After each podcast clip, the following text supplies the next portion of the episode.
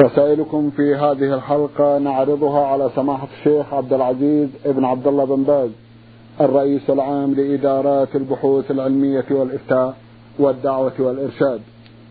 مع مطلع هذه الحلقة نرحب بسماحة الشيخ ونشكر له تفضله بإجابة السادة المستمعين فأهلا وسهلا بالشيخ عبد العزيز. حياكم الله حياكم الله. أولى رسائل هذه الحلقة رسالة وصلت إلى البرنامج من الجمهورية العراقية.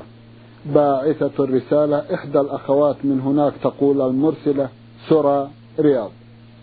أختنا سرى عرضنا جزءا من أسئلتها في حلقة مضت وفي هذه الحلقة بقي لها عدد من الأسئلة من بينها هذا السؤال. تقول يوجد في بيتنا اللعب العرائس فهل هذا حرام؟ وجهونا حتى ننفذ إن شاء الله. جزاكم الله. الحمد لله.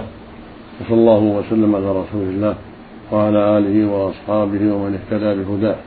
أما بعد فقد تنازع أهل العلم رحمهم الله في اللعب التي تقتنيها البنات المصورة. فمن أهل العلم من أجازها لأنها تمرن البنت على القيام في حضانات الأطفال وتربية الأطفال وحل مشاكل الأطفال. واحتجوا على ذلك في قصة عائشة نعم. رضي الله عنها وأنه كان عندها بنات. كان الرسول صلى الله عليه وسلم أقرها على ذلك. وقال آخر من أهل العلم إنها محرمة وإنها لا تجوز. لما ثبت عنه صلى الله عليه وسلم من النهي عن التصوير. وعن اقتناء الصور ولأنه أمر بطمس الصور عليه الصلاة والسلام وقال لعلي لا تدع صورة إلا طمستها ولا قبر مشبه إلا سويته. وثبت عنه عليه الصلاة والسلام أنه نهى عن الصورة في البيت وأن يصنع ذلك. وحكاه بعضهم قول أكثر أهل العلم. وقالوا إن البنات التي كانت عند عائشة كان ذلك أولا قبل النسخ قبل النهي. أما بعد النهي فلا يقرها عليه الصلاة والسلام. وبهذا يعلم أن الأحوط ترك بقائها واستعمالها بغيرها. إذا استعملت اللعب المعروفة قديما من القطن ومن الخرق التي ليس فيها تصوير وليس فيها تشبه بخلق الله. يكون ذلك أحوط وأسلم. وإلا هذه البنات المصورة في تحريمها نظر واختلاف كما سمعت أيها السائلة. لكن من باب الاحتياط ومن باب دع ما يريبك إلى ما لا يريبك تركها أولى واتخاذ لعب أخرى مما كان يفعله الناس مما يتخذ من الأعواد والقطن وأشباه ذلك مما يلعب به البنات. والله أعلم. جزاكم الله خيرا. إذا كأني بسماحة الشيخ يصب النهي على تلكم التماثيل المصنوعة من البلاستيك؟ المصورة. المصورة. نعم المصورة بالرأس والرجلين واليدين إلى آخره. أيوة. لأن هذه تدخل في عموم النهي عند أكثر أهل العلم. نعم. فلهذا يحتاط من ترك ذلك. نعم. جزاكم الله خيرا. أختنا تقول إن أهلي قد تبنوا بنت خالتي لتكون بنتا لنا. لأن الله لم يرزق والدي بأطفال كثيرين. وجهوهم جزاكم الله خيرا. التبني لا يجوز في الإسلام. كل إنسان يدعى لأبيه. ذكرا كان أو أنثى. قال الله تعالى ادعوهم لآبائهم أقسط عند الله. فإن لم تعلموا آباءهم فإخوانكم في الدين ومواليكم. وكان التبني في الجاهلية معروفا. كان زيد بن حارثة يدعى زيد بن محمد. رضي الله عنه فلما أنزل الله الآية نسب إلى يمين وقيل زيد بن حارثة واستقرت الشريعة على أنه يجب أن ينسب الناس إلى آبائهم وأنه لا يجب التبني لأي إنسان. أما التربية فلا بأس إذا ربوا ولد غيرهم وأحسنوا إليه على أنه ينسب لأبيه لا إليهم فلا بأس بذلك. أما يقال ولد فلان وليس ولد فلان فلا يجوز مطلقا. جزاكم الله خيرا. تسأل أختنا وتقول سماحة الشيخ هل أتحجب أمام أزواج خالاتي وعماتي؟ نعم. أزواج الخالات وأزواج العمات وأزواج الأخوات أقرب وأقرب. ليسوا محارم. يجب التحجب عنهم. فليس لها أن تكشف ولا لزوج عمتها ولا لزوج أختها لأنهم ليسوا محارم ولكن لا مانع من السلام عليهم بالكلام. كيف حالكم؟ كيف أولادكم؟ السلام عليكم وعليكم السلام. كل هذا لا بأس به من غير ريبة ولا كشف ولا مصافحة. بل سلام فقط ليس فيه مصافحة ولا كشف لوجه غيره بل مع التحجب والحشمة والبعد عن الريبة. وكذلك لا تجوز الخلق بواحد منهم. لأن النبي صلى الله عليه وسلم قال يخلو رجل امرأة فإن الشيطان ثالثهما. واجب على كل إنسان أن يحذر ما حرم الله من الرجال والنساء طيب. وأن يستعمل ما شرع الله على الوجه الذي شرعه الله.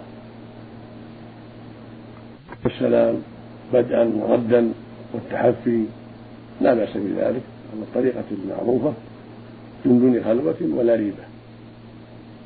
أما الكشف أو المصافحة فلا. إلا للمحارم كأخيها عمها ونحو ذلك. هؤلاء محارم. فلا بأس بالخلوة ولا بأس بالمصافحة نعم. جزاكم الله خيرا. رسالة وصلت إلى البرنامج من المستمع لطفي عبيد محمد مصري.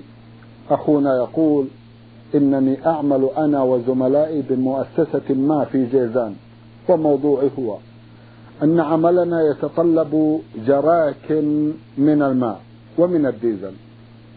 فوجد أمامي أنا وزملائي إناءان مغلقان تماما وشكلهما من الخارج واحد لا اختلاف بينهما.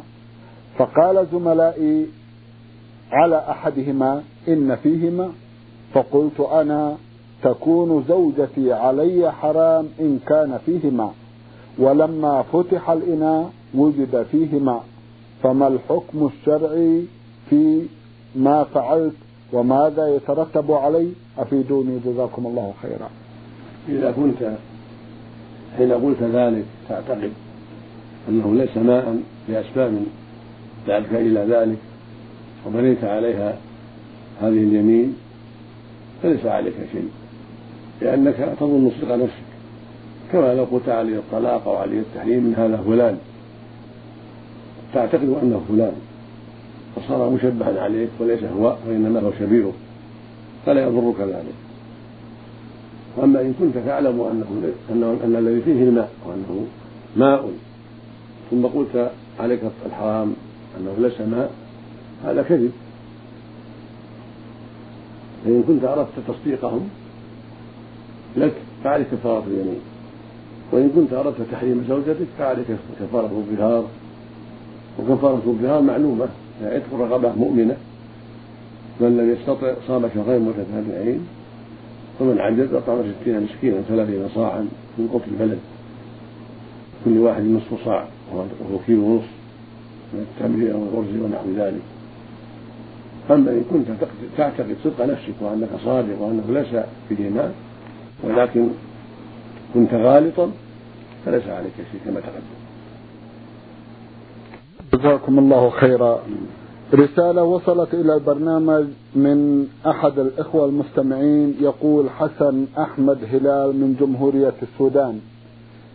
أنا متابع هذا البرنامج منذ زمن طويل وأنا مسرور جدا جدا لهذا البرنامج كما هو موعظة حسنة لعباد الرحمن وكما هو يأمر بالمعروف وينهى عن المنكر والحمد لله. كما استفدت كثيرا من هذا البرنامج جزاكم الله خيرا وربنا يخليكم لنا رمزا صادقا والحمد لله الذي بعثكم لنا هداة لطريق السعادة والحق وأتمنى من الله الكريم أن يحفظكم ويرعاكم سماحة الشيخ السؤال هو نحن بالسودان عندنا مشايخة الطرق الصوفية.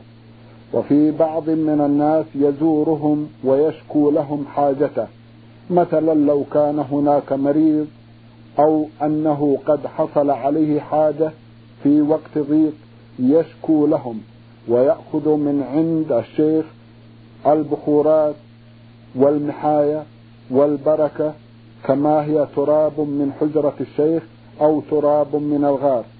وإذا تجادلت مع بعض هؤلاء الناس الذين يزورون هذا الشيخ ويشكون حاجتهم للشيخ فيقولون لنا هذا الشيخ من أولياء الله.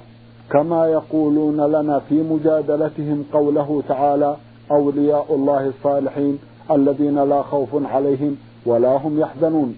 فهذا هو الأمر الذي وضحته لكم. هل ما يقولونه صحيح أم لا؟ ومن هم أولياء الله الصالحون الذين لا خوف عليهم ولا هم يحزنون؟ أرجو أن توجهونا. جزاكم الله خيرا ونفع بعلمكم. المشايخ الصورية فيهم تفصيل. منهم من هو كافر لأنه يتعاطى الشرك بالله عز وجل ودعوة غير الله من أصحاب القبور. أو الجن أو يرى وحدة الوجود كأصحاب ابن عربي هؤلاء كفار. ولا يجوز دعاؤهم ولا زيارتهم ولا أخذ توجيهاتهم لأنهم منحرفون عن الطريق. ولا يجوز موالاتهم ولا تصديقهم فيما يقولون ولا أخذ توجيهاتهم في أي شيء. ومنهم أناس عندهم بدع وأشياء لا أساس لها في الشرع المطهر ولكنهم ليسوا كفار ولكن عندهم بدع ما أنزل الله بها من سلطان فالواجب نصيحتهم أيضا وتوجيههم إلى الخير وإنكار البدع التي عندهم. أما أن يطلب منهم البركة أو من تراب حجرهم هذا منكر لا يجوز. ولم يفعل هذا النبي الصحابة مع فيما بينهم. رضي الله عنهم. وإنما كان يفعل هذا مع النبي صلى الله عليه وسلم بما جعل الله في جسده من البركة. فكانوا يأخذون شعره عرقه بما جعل الله فيه البركة عليه الصلاة والسلام.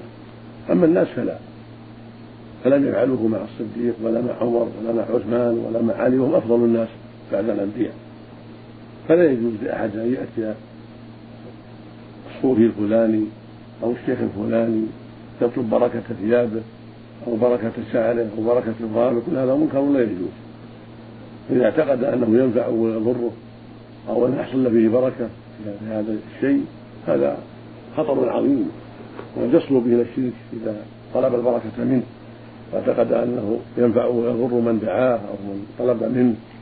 أو أنه يستغاث به دون الله أو أنه يطلب منه الشفاء لمرض أو ما أشبه ذلك. كان هذا من الشرك الأكبر. فالحاصل أن طلب البركة من هؤلاء أو دعاءهم والاستغاثة بهم أو اعتقاد أنهم يشفون المرضى وينفعون غيرهم أو يضرون في سرهم. كل هذا من المنكرات العظيمة بل من المنكرات الشركية. أما أولياء الله وهم المؤمنون المتقون المطيعون لله ولرسوله هؤلاء هم أولياء الله ليسوا أهل البدع. نعم. أولياء الله هم أهل الإيمان والتقوى الذين وحدوا الله واتبعوا سبيله. وساروا على نهج النبي محمد عليه الصلاة والسلام هؤلاء هم أولياء الله وليسوا هم الصوفيه ولكنهم المتقون. قال الله تعالى ألا إن أولياء الله لا خوف عليهم ولا هم يحزنون. الذين آمنوا وكانوا يتقون. على آية من سورة يونس هؤلاء هم أولياء الله أهل الإيمان والتقوى. الذين آمنوا بالله ورسوله ووحدوا الله وعبدوه وحده ولم يعبدوا أهل القبور ولم يستغيثوا بهم ولم ينذروا لهم. بل عبدوا الله وحده وساروا على نهج النبي صلى الله عليه وسلم فأدوا فرائض الله وتركوا محارم الله ووقفوا عند حدود الله. هؤلاء هم أولياء الله. وإن كانوا فقراء وإن كانوا عمالا يعملون عند الناس في طلب الرزق وإن كانوا يبيعون ويشترون في الأسواق ما عندهم تصوف هؤلاء هم أولياء الله. قال تعالى في سورة الأنفال وما كانوا أولياءه إن أولياؤه إلا المتقون. فأولياء الله هم أهل التقوى هم أهل الإيمان. هم الذين أطاعوا الله ورسوله وتركوا ما نهى الله عنه ورسوله. ووحدوا الله وعبدوه جل وعلا. أما الصوفية فهم أقسام وهم يختلفون في البدعة. ولكنهم أقسام في الأحكام منهم الكافر ومنهم المبتدع الضال الذي يجب الحذر منه ونصيحته والتنبيه على بدعته. وكلهم مشتركون في البدع لأنهم أحدثوا بدعا ما أنزل الله بها من سلطان. فالواجب الحذر منهم وعدم الاغترار بهم وعدم زيارتهم لأخذ دعائهم أو التبرك بهم أو أخذ توجيهاتهم أو نحو ذلك. ومن أمكنه أن ينصحهم وأن يوجههم إلى الخير وأن ينكر عليهم بدعهم فليفعل ذلك. الله المستعان. الله المستعان. جزاكم الله خيرا ونفع بعلمكم. فهمت سماحة الشيخ أن الصوفية ليسوا جميعا على الباطل؟ لا أنواع. أنواع. لكن يشتركوا في البدع. نعم يشتركوا في البدع. نعم. جزاكم الله خيرا. ننتقل إلى رسالة أخرى وصلت إلى البرنامج من الأحساء الهفوف وباعثها أحد الإخوة سمى نفسه أبو محمد ويبدو من أحد أسئلته أنه يمني. له ثلاثة أسئلة. في سؤاله الأول يقول في ريفنا اليمني يقوم المشيعون للجنازة بترديد بعض الأذكار جماعات جماعات وبأصوات مرتفعة. وهذه الأذكار هي الله يا الله لا إله إلا الله محمد رسول الله الله يا الله. فهل هذا جائز شرعا؟ وما هي كلمتكم للمشيعين في مثل هذا الموقف؟ جزاكم الله خيرا. هذه الألفاظ من البدع. فلا يجوز للمشيعين أن يرفعوا أصواتهم بهذا الكلام. لا إله إلا الله أو الله الله أو يا الله يا الله. بل المشروع للمشيع أن يستحضر أمر الموت وما يسأل عنه الميت. وخطر القبر يكون على باله هذه الأمور حتى يستعد لهذا الأمر وحتى يحذر ركونه إلى الدنيا واشتغاله بها عن الآخرة. قال غيث بن عباد التابعي المشهور كان السلف رضي الله عنهم إذا كانوا مع الجنائز صمتوا مشتغلين بالتفكير في معنى الميت وما أمامه من الأهوال والعجائب. لأن القبر إما روضة من رياض الجنة وإما حفرة من حفر النار. فالواجب على المشيعين أن يتذكروا هذا المقام وأن يكون على بالهم. أما رفع أصواتهم بشيء من الذكر أو الدعاء جماعيا أو فرادى كل ذلك لا يجوز. وليس من هدي السلف. لم يكن هذا من هدي السلف الصالح. بل من هديهم السكوت عند الجنائز والإنصات وخفض الأصوات. والتفكير في مآل الميت وما يكون له في القبر وما ينزل به. وأن يعد الإنسان لهذا عدته لأنه صائر لما صار إلى هذا الميت فيكون على باله هذا هو المشروع في هذه المسألة. فينبغي توجيه هؤلاء إلى الخير وأن يخفضوا أصواتهم وأن يفكروا بماء الميت وما ينزل به حين يوضع في قبره وسؤاله وماذا يجيب به؟ إلى غير هذا من الأمور العظيمة التي كل إنسان سيمر بها. والله المستعان. نعم. الله المستعان. جزاكم الله خيرا. أخونا يسأل ويقول كيف هي صلاة الوتر؟ وكم تشهد فيه؟ وهل فيه قنوت أفيدونا. جزاكم الله خيرا. الوتر سنة مؤكدة وأقله واحدة. بعد العشاء بعد سنة العشاء واحدة. ومن زاد عليها فهو أفضل. وكان النبي صلى الله عليه وسلم يوتر من الليل. وكان وتره متنوعا عليه الصلاة والسلام. ربما أوتر بثلاث وربما أوتر بخمس وربما أوتر بسبع وربما أوتر بإحدى عشرة وربما أوتر بثلاث عشرة. وهذا أكثر ما ورد عنه عليه الصلاة والسلام. لكنه لم يحد في هذا حدا. فمن أحب أن يوتر بأكثر من ذلك فلا بأس. لقوله صلى الله عليه وسلم صلاة الليل مثنى مثنى. فإذا خشي أحدهم الصبح صلى ركعة واحدة توتر له ما قد صلى. فلم يحد حدا. ولهذا ثبت عن عمر رضي الله عنه أنه صلى عشرين ركعة بالوتر. وأمر أبي أن يؤم الناس بذلك في بعض الرمضانات. وفي بعضها أمره يصلي إحدى عشرة. فالأمر في هذا واسع. لأن الصحابة رضي الله عنهم صلوا هذا وهذا صلوا ثلاثة وعشرين وصلوا إحدى وعشرين إحدى عشر كل ذلك حسن وكله سنة وليس فيه تحديد. ولكن إذا أوتر الإنسان بوتر النبي صلى الله عليه وسلم إحدى عشرة وثلاثة عشرة كان هذا أفضل. وإن نقص فلا بأس وإن زاد فلا بأس. والأفضل أن المؤمن وهكذا المؤمنة إذا طول إذا كثر العدد خفف في القراءة والركوع والسجود حتى لا يشق على نفسه وعلى الناس. إذا قلل الركعات شب له أن يطيل في القراءة وفي الركوع والسجود كفعله عليه الصلاة والسلام. اللهم صل عليه والأمر في هذا واسع والحمد لله وليس فيه تشديد. وإن أوتر بثلاث تسليمتين سلم باثنتين ثم أتى بواحدة فهذا أقل الكمال وأدنى الكمال وإن سلم وإن أتى بخمس أو بسبع أو بأكثر فذلك أفضل. يسلم من كل اثنتين هذا هو الأفضل. طيب. يسلم من كل اثنتين ثم يختم صلاته بواحدة ويقعد فيها. هذا هو الأفضل يقعد بعد الركوع.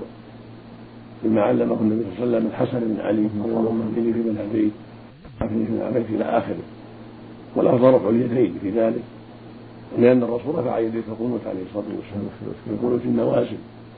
قنوت الوتر مثل ذلك. قنوت الوتر مثل قنوت النوازل ولأن رفع اليدين في الدعاء من أسباب الإجابة. ومن رفع ومن لم يرفع فلا بأس. ومن لم يقنط فلا بأس. كله مستحب. من قنت فهو أفضل. ومن رفع يديه فهو أفضل. ومن ترك ذلك فلا حرج عليه. والوتر كله سنة وليس بواجب. هذا هو الحق الذي عليه الجمهور أهل العلم. وإذا تيسر يكون آخر الليل فهو أفضل. لقوله صلى الله عليه وسلم من خاف أن يقوم آخر الليل فليوتر أوله ومن طمع أن يقوم آخر الليل فليوتر آخر الليل. فإن صلاة آخر الليل, آخر الليل مشهودة وذلك أفضل. رواه مسلم صحيح وذلك على أن الوتر في آخر الليل أفضل لمن استطاع ذلك. أما من عجز فإنه يوتر في أول الليل كما أوصى النبي صلى الله عليه وسلم هريرة وعلى الدرداء بالإيثار أول الليل. لأنهما كان يدرسان الحديث ويشفق عليهما القيام في آخر الليل. فناسب أن يوترا في أول الليل. والخلاصة أن من كان يستطيع آخر الليل فهو أفضل. طيب ومن خاف أن يقوم من آخر الليل فإيثاره أول الليل أفضل. أما النبي صلى الله عليه وسلم اللهم صل عليه فكان يوتر أول الليل وأوتر أوسط الليل ثم استقر الوتر في آخر الليل عليه الصلاة والسلام حتى لحق بالله. نعم. جزاكم الله خيرا ونفع بعلمكم. يسأل أخونا عن عدد التشهد في الوتر والقنوت مثل ما تقدم السنة الاجتهاد في كل ركعتين. أيوة. هذا نعم. وإن أوتر بثلاث جميعا سردها جميعا نعم. ولم يجلس إلا في آخرها فلا بأس. أو سرد خمسا جميعا ولم يجلس إلا في آخرها فلا بأس. أما السبع فهو مخير. إن شاء سردها جميعا وأوتر فيها وأوتر في السابعة وإن كان وإن شاء جلس في السادسة وأتى بالشفة الأول ثم قام للسابعة. وهكذا التسع. يجلس في الثامنة ويأتي بالشفة الأول ثم يقوم للتاسعة. قد ثبت عن النبي صلى الله عليه وسلم أنه سرد السبع في بعض الأحيان وفي بعضها جلس في السادسة وأتى بالشفة الأول. فإذا فلا بأس وهكذا التسع إذا جلس في التشهد الأول التشهد الأول في الثامنة ثم قام وأتى بالتاسعة هذا من سنته صلى الله عليه وسلم. ولكن الأفضل أن يصلي ثنتين ثنتين. هذا هو الأكمل. وهو غالب من فعل النبي صلى الله عليه وسلم. ويسلم من كل ثنتين. ويوتر بواحدة نعم. جزاكم الله خيرا ونفع بعلمكم. أخونا له سؤال أخير يقول فيه. حدث في أحد الرمضانات ومنذ بضع سنين أن واقعت زوجتي في نهار رمضان وتكرر ذلك عدة مرات في نفس الشهر. وبعد مضي بضع سنين أدركت حجم المعصية والإثم الذي وقعت فيه وندمت على ذلك أشد الندم. وأنا الآن في حيرة من أمري.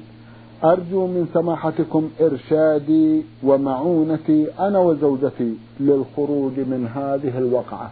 جزاكم الله خيرا. الواقع الواجب عليكما جميعا التوبة إلى الله سبحانه وتعالى والندم على ما مضى والعزم ألا تعودوا في ذلك. هذا هو الواجب على كل من عصى الله أن يندم على ما مضى وأن يعزم أن لا يعود وأن يقلع من ذلك ومن ذاب تاب الله عليه. يقول سبحانه وتوبوا إلى الله جميعا أيها المؤمنون لعلكم تفلحون. التوبة فلاح.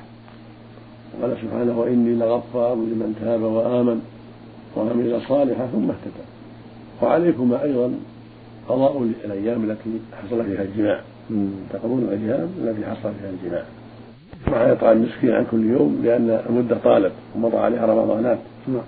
فعليكما مع قدرة إطعام مسكين عن كل يوم. يدفع لبعض الفقراء ولو فقيرا واحدا. طيب. فإن عجزتما فلا شيء عليكم من جهة الإطعام. وعليكم القضاء فقط. وعليكم مع ذلك كفارة كفارة عن كل يوم وقع فيه جماع وهي كفارة الظهار عليك واحدة وعليها واحدة عن كل يوم. وترتيبها كما يأتي. طيب. أولا أن تقع مؤمنة فمن عجز صام شهرين متتابعين. فمن عجز أطعم ستين مسكينا عن كل جماع. وعن كل يوم يرى فيه جماع.